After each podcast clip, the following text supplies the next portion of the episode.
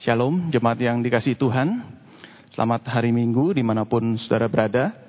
Mari kita akan membuka bagian firman Tuhan dari Injil Markus, pasal yang ke-12. Injil Markus pasal yang ke-12, ayat 41 sampai ayat yang ke-44. Markus 12 ayat 41 sampai 44. Saya akan bacakan buat setiap kita. Pada suatu kali Yesus duduk menghadapi peti persembahan dan memperhatikan bagaimana orang banyak memasukkan uang ke dalam peti itu. Banyak orang kaya membeli memberi jumlah yang besar. Lalu datanglah seorang janda yang miskin dan ia memasukkan dua peser, yaitu satu duit. Maka dipanggilnya murid-muridnya dan berkata kepada mereka, Aku berkata kepadamu, sesungguhnya janda miskin ini memberi lebih banyak daripada semua orang yang memasukkan uang ke dalam peti persembahan. Sebab mereka semua memberi dari kelimpahannya, tetapi janda ini memberi dari kekurangannya. Semua yang ada padanya, yaitu seluruh nafkahnya. Demikian pembacaan firman Tuhan. Berbagilah setiap kita yang bukan hanya mendengar, membaca, namun juga melakukannya di dalam hidup kita sehari-hari. Saudara ada seorang pemuda yang sebentar lagi lulus kuliah lalu minta didoakan oleh seorang pendeta. Pak pendeta saya mau cari kerja, tolong doakan saya. Baik, saya doakan kata pendeta itu, tetapi jangan lupa kasih perpuluhan ya. Suatu keajaiban terjadi. Setelah lulus kuliah, pemuda itu langsung dapat pekerjaan dengan gaji 3 juta. Pemuda itu memberikan perpuluhan 300 ribu. Kemudian tahun depan dia datang lagi ke pendeta yang sama. Pak pendeta, sepertinya kurang kalau cuma 3 juta. Bagaimana saya bisa membangun masa depan? Bagaimana saya bisa punya pacar? Doakan ya Pak, supaya saya bisa dapat gaji 5 juta. Pendeta itu berkata, baik saya doakan, tapi jangan lupa perpuluhannya, 500 ribu. Lalu kemudian keajaiban terjadi, dia punya pacar dan kemudian dia juga mendapatkan gaji kurang lebih 5 juta. Lalu kemudian pemuda itu datang lagi tahun depannya, Pak saya sudah punya pacar, saya pengen menikah. Bagaimana mungkin gaji cuma 5 juta, saya harus menikah dan menabung untuk hari pernikahan saya. Doakan supaya bisa dapat 10 juta. Dan kemudian Pak Pendeta itu mendoakan dan kemudian keajaiban terjadi 10 juta gaji dari pemuda itu. Jangan lupa perpuluhannya satu juta rupiah. Lalu kemudian dia juga kemudian datang lagi tahun depannya setelah dia sudah menikah. Dia punya anak dan dia melihat kebutuhannya itu sangat besar sekali. Dia berdoa supaya minta terkabul agar gajinya 20 juta. Kemudian pendeta itu mendoakan dan gajinya betul 20 juta terkabul. Perpuluhannya menjadi 2 juta. Lalu kemudian tidak lama pemuda itu datang lagi ke pendeta itu dan minta didoakan. Pak pendeta kok rasanya sulit memberikan perpuluhan. Dulu perpuluhan saya 300 ribu, sekarang 2 juta. Rasanya sulit, bagaimana caranya supaya saya lebih mudah untuk bisa memberikan perpuluhan itu. Kemudian pendeta itu mendoakan pemuda itu. Baik saya doakan supaya Tuhan mengembalikan gajimu menjadi 3 juta agar mudah memberikan perpuluhan. Saudara saya percaya memberikan persembahan ataupun perpuluhan, saudara ini menjadi pergumulan kita bersama. Baik saudara yang kaya ataupun yang tidak, ataupun yang berpendidikan atau yang kurang. Saudara tua dan muda ini menjadi pergumulan kita bersama. Kita bergumul dan belajar bersama untuk memberikan persembahan kepada Tuhan. Dan saya percaya, saudara, ketika kita setia memberikan persembahan kepada Tuhan, ini suatu hal yang baik di mata Tuhan. Tetapi pernahkah kita bertanya dan mengevaluasi diri kita, apakah persembahan yang kita berikan selama ini sudah berkenan di hadapan Tuhan? Sudah terkait dengan resolusi-resolusi yang kita lakukan di tahun baru ini, pernahkah kita mengevaluasi persembahan kita di hadapan Tuhan? Apakah sudah sungguh-sungguh berkenan di hadapan Tuhan? Sehingga kita punya resolusi yang terkait dengan memberikan persembahan kepada Tuhan. Sudah bagaimana supaya kita bisa sungguh-sungguh berkenan ketika memberikan persembahan kepada Tuhan. Saya percaya ini bukan hal yang mudah, apalagi di dalam masa pandemi seperti ini, tetapi firman Tuhan mengajak setiap kita untuk kita sama-sama belajar bagaimana memberikan persembahan yang berkenan di hadapan Tuhan. Sudah perikop yang kita baca ini merupakan kelanjutan dari kisah sebelumnya. Kalau saudara memperhatikan perikop sebelumnya, bicara bagaimana Yesus menasehati murid-muridnya agar berhati-hati dengan orang-orang Farisi dan ahli Taurat pada saat itu. Mengapa Yesus menasihati murid-muridnya agar mereka berhati-hati dengan orang Farisi itu? Orang Farisi itu suka menerima penghormatan di pasar, duduk di tempat terdepan di rumah ibadat agar tampak rohani. Sudah artinya kita sebagai murid Kristus, sudah kita jangan sampai terjebak dengan sikap orang-orang Farisi itu. Sebagai murid Kristus harus memberikan persembahan secara benar, karena itulah yang membedakan dari perilaku agamawi yang palsu dari orang Farisi dan ahli Taurat. Dan oleh karena itu kisah ini dimulai dari ayat yang ke-41 dikatakan pada suatu kali Yesus duduk menghadapi peti persembahan dan kemudian dia memperhatikan bagaimana orang banyak memberikan persembahan itu. Saudara menarik di sini, Yesus bukan hanya berdiri kemudian menghadap peti persembahan itu. Atau dengan kata lain bukan hanya melihat, namun Yesus memperhatikan. Saudara apa bedanya melihat dan memperhatikan? Melihat hanya menatap secara luas, secara abstrak. Tetapi ketika kita memperhatikan sesuatu, artinya pandangan kita mulai lebih spesifik. Penuh dengan analisa. Ini benar atau ini tidak benar. Kita benar-benar menyimak apa yang sedang kita perhatikan itu. Nah di sini Yesus sedang memperhatikan atau Yesus sedang mengawasi orang banyak itu. Atau Yesus sedang menilai orang banyak itu yang memberikan persembahan. Mana yang perilakunya sama dengan orang-orang Farisi dan ahli Taurat. Dan mana perilaku persembahan, memberikan persembahan itu yang seharusnya dilakukan oleh murid Kristus. Saudara di pelataran bait Allah itu ada yang dinamakan dengan pelataran perempuan. Kira-kira di sini ketika orang-orang banyak itu memberikan persembahan. Tempat ini juga disebut juga pelataran persembahan. Disediakan sekitar beberapa bejana yang bentuknya seperti trompet. Itu yang dinamakan dengan peti persembahan itu. Trompet itu untuk menerima persembahan. Dan saudara, uang pada saat itu berbentuk logam, bukan uang kertas. Seperti sekarang. Saudara, artinya apa? Artinya jikalau orang kaya memasukkan uang logam yang sedemikian banyak, maka akan berbunyi bergemerincing. Tetapi tidak halnya dengan orang miskin. Orang miskin, dia tidak punya uang banyak, hanya beberapa logam saja. Ketika ia memberikan, maka tidak ada bunyi yang nyaring. Dan di situ, saudara, ketika Yesus bersama dengan murid-muridnya, mereka sedang melihat, menatap orang banyak itu. Datanglah seorang janda yang miskin, ia memasukkan dua peser, yaitu satu duit. Saudara, dalam bahasa Yunani, peser itu berarti lepton. Saudara peser adalah mata uang yang paling kecil, sama dengan setengah duit. Dan berapakah nilai satu peser atau lepton itu jika dikuruskan dalam rupiah? Di dalam Matius 20 dikatakan upah kerja sehari adalah satu dinar atau 128 peser atau lepton.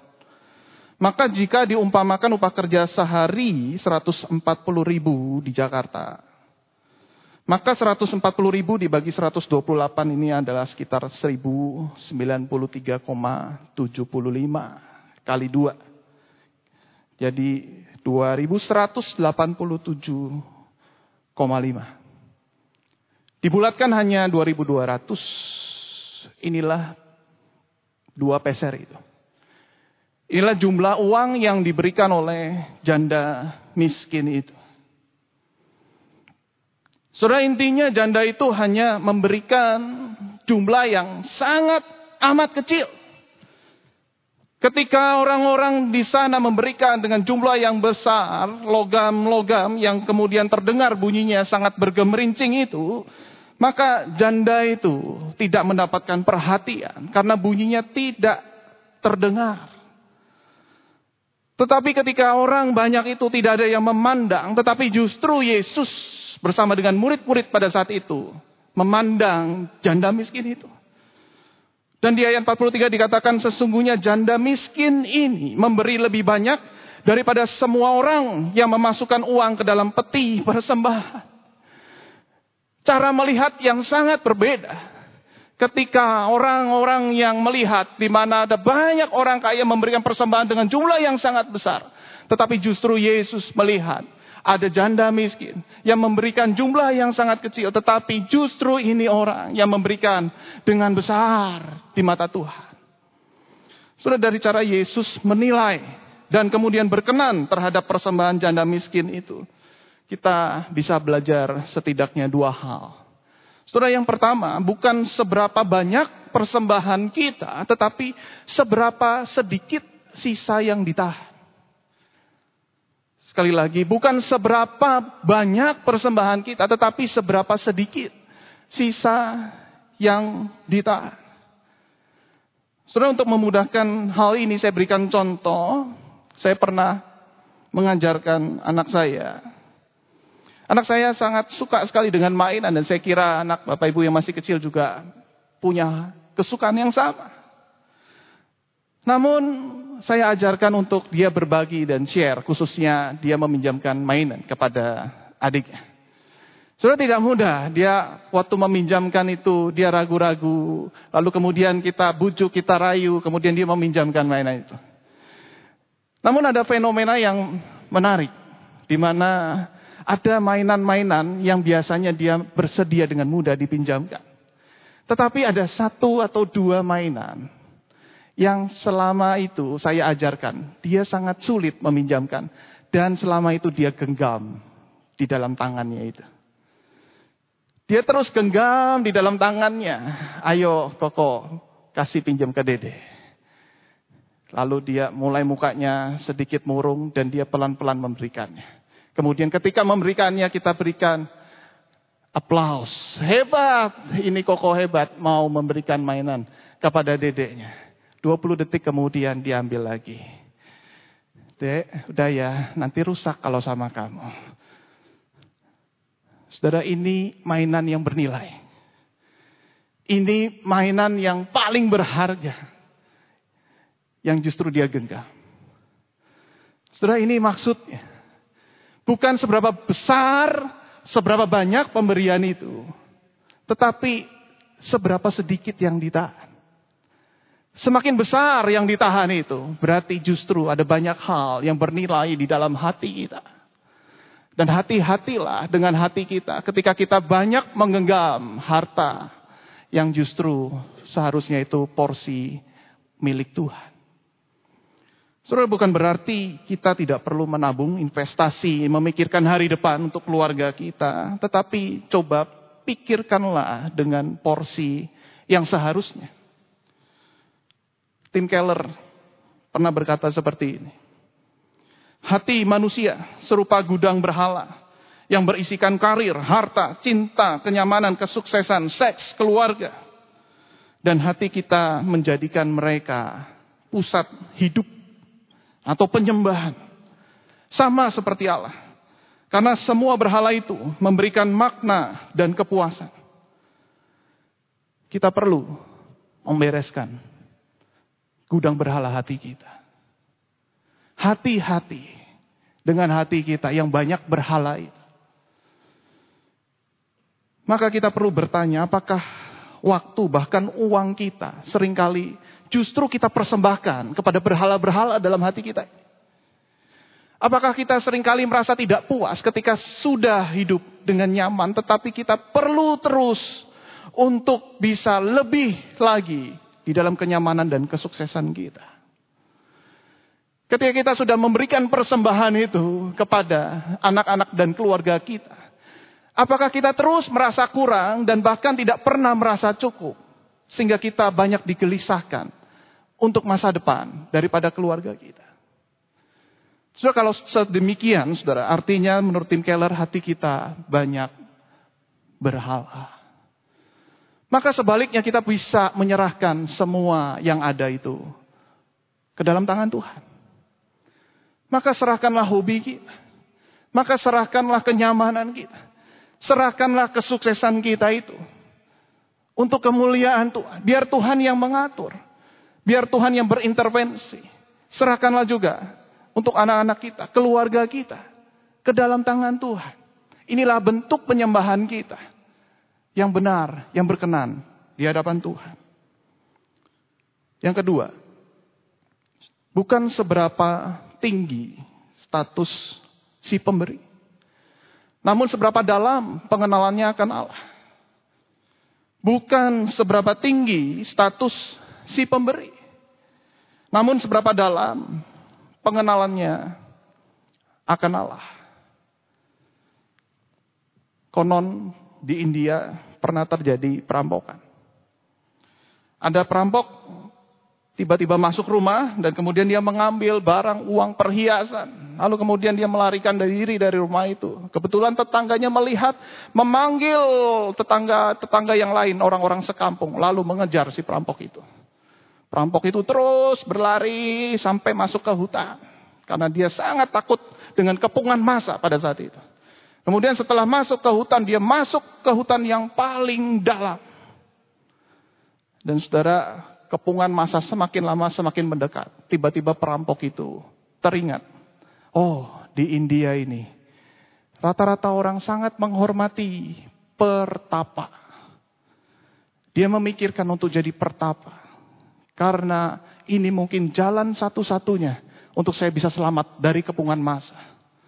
Lalu dia lihat ada pohon besar, si perampok itu kemudian dia mengganti pakaiannya semua menjadi layaknya seorang pertapa.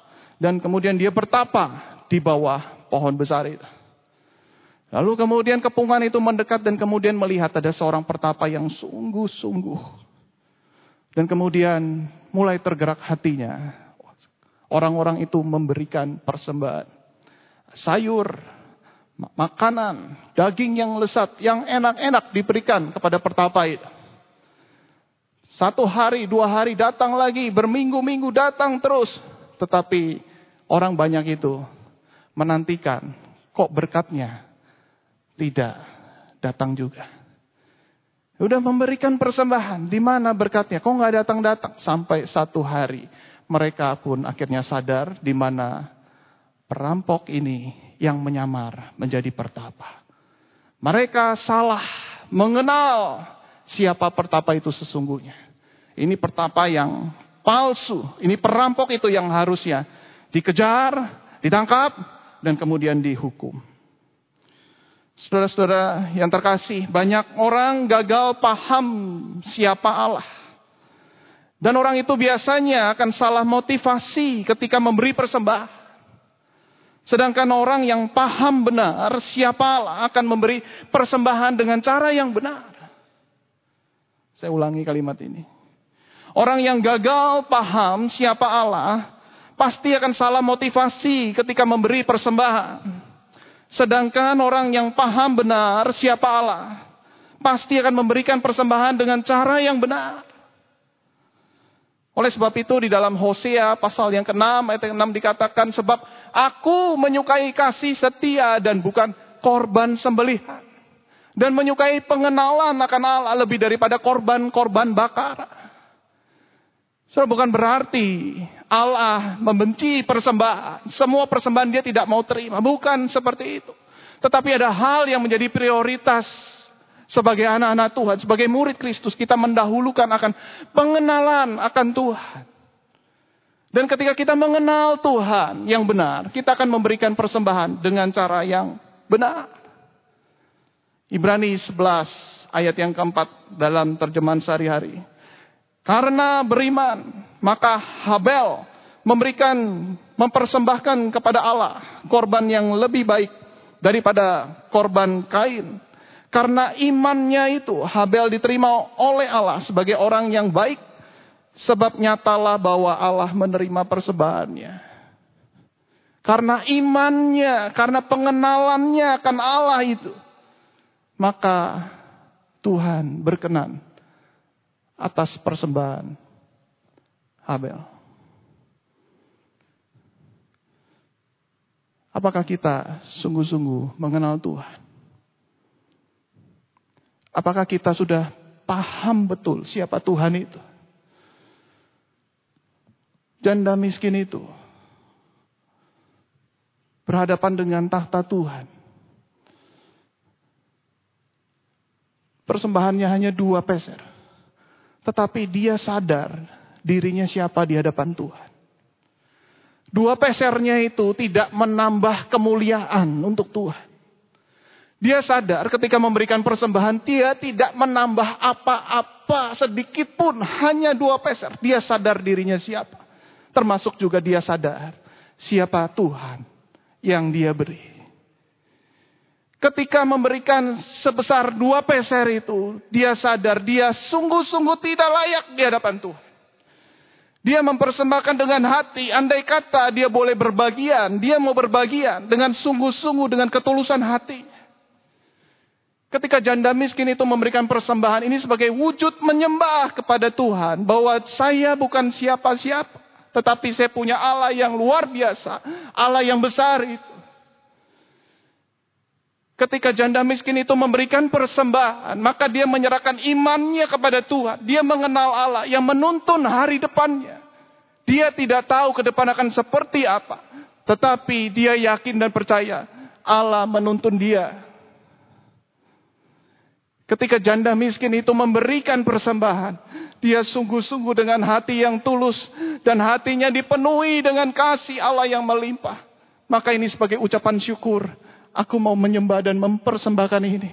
Meski dua peser ini. Kantong di bajunya kosong. Tidak ada emas dan perak. Bahkan uang sepeser pun. Tetapi kantong hatinya dipenuhi dengan belas kasihan Allah dia merasakan hati yang penuh dengan damai dan sukacita. Ketika mempersembahkan yang dia tatap hanyalah Tuhan itu. Dia tidak peduli orang di sekelilingnya memberikan jumlah seberapa besar. Tetapi janda miskin itu memberi dengan kesungguhan hati kepada Tuhan.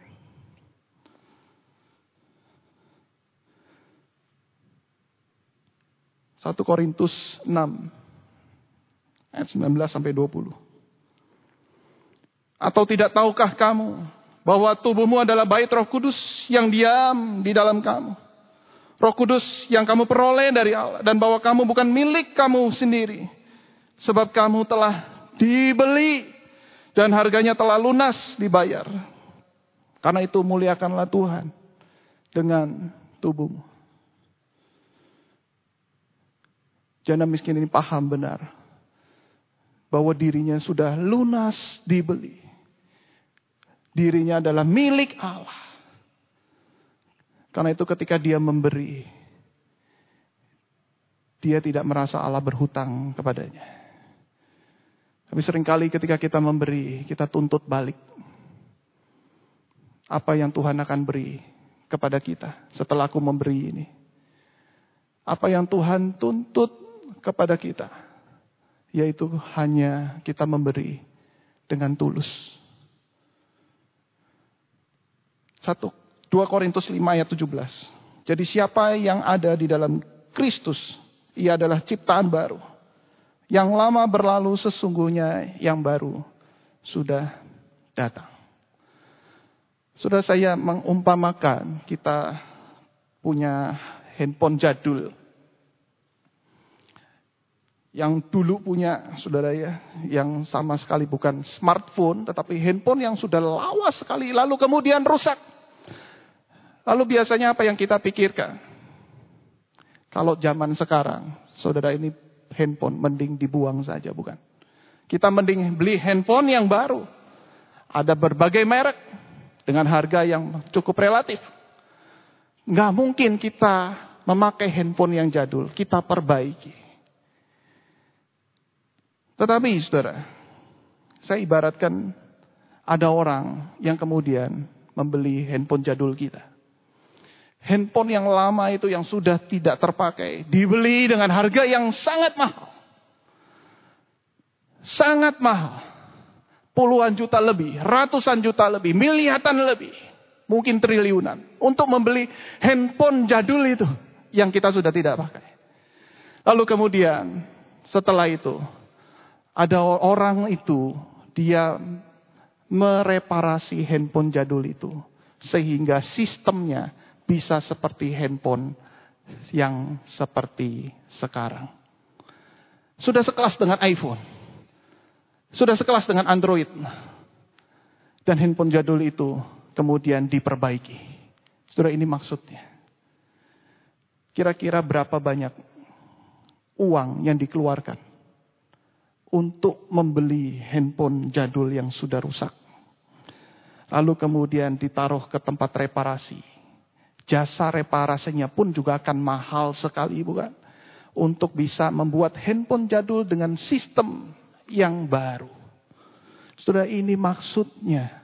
Ketika kita sudah ditebus dan dibeli lunas dengan harga yang mahal itu darah Kristus itu, lalu kemudian Kristus menjadikan kita sebagai ciptaan yang baru, sistem yang sudah rusak, dia perbaiki dengan sistem yang baru itu.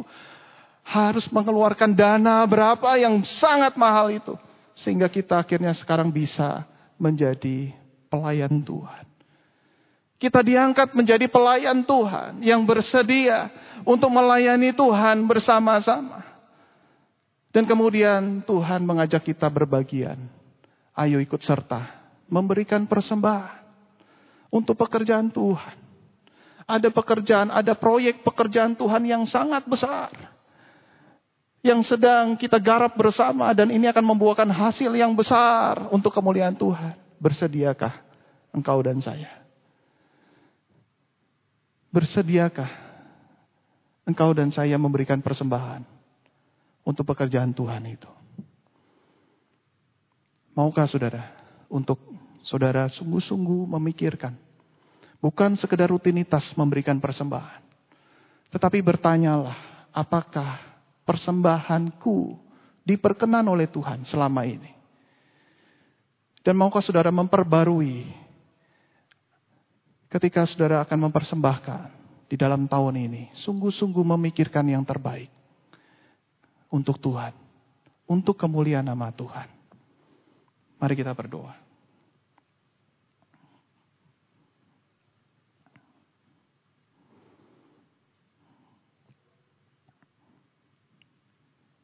Ambil waktu tenang. Musik boleh mengalunkan pujian pandanglah kepada Yesus.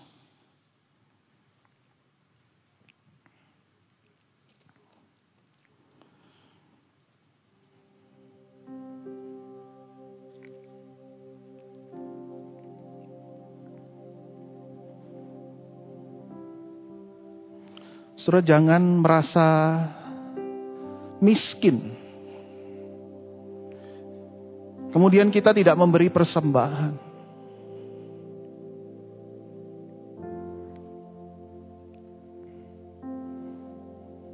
Karena bukan besarnya, tetapi seberapa sisa yang kau tahan. Asalkan kau memberi dengan tulus dengan kerendahan hati. Tuhan menilai pemberian itu lebih besar dari apa yang kita pikir.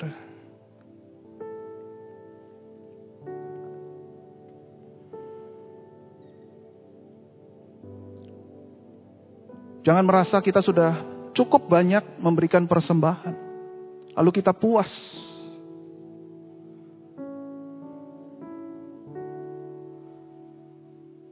Apakah porsi yang saudara berikan itu sudah tepat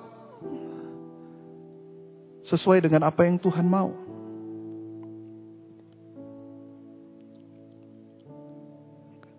Ketika kita memberikan dalam jumlah yang besar, pikirkanlah apakah itu sudah porsi yang tepat. Sesuai dengan apa yang Tuhan mau.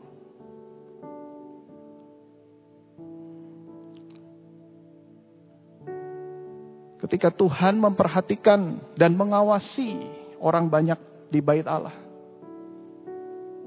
Tuhan yang sama, Yesus yang sama juga memperhatikan dan mengawasi setiap kita yang ada di rumah kita masing-masing. Maka hendaknya kita mengevaluasi diri. Apakah persembahan kita sungguh-sungguh akan berkenan di hadapan Tuhan? Saya percaya Tuhan akan memampukan setiap kita. Inilah doa kami ya Tuhan. Untuk kami boleh sungguh-sungguh dengan hati yang tulus membawa segala persembahan kami ke dalam tangan pengasihan Tuhan. Kami sungguh-sungguh mau mengenal Engkau. Allah yang berbelas kasih bagi setiap kami dan melayakan kami. Inilah doa kami dalam nama Tuhan Yesus kami berdoa. Amin.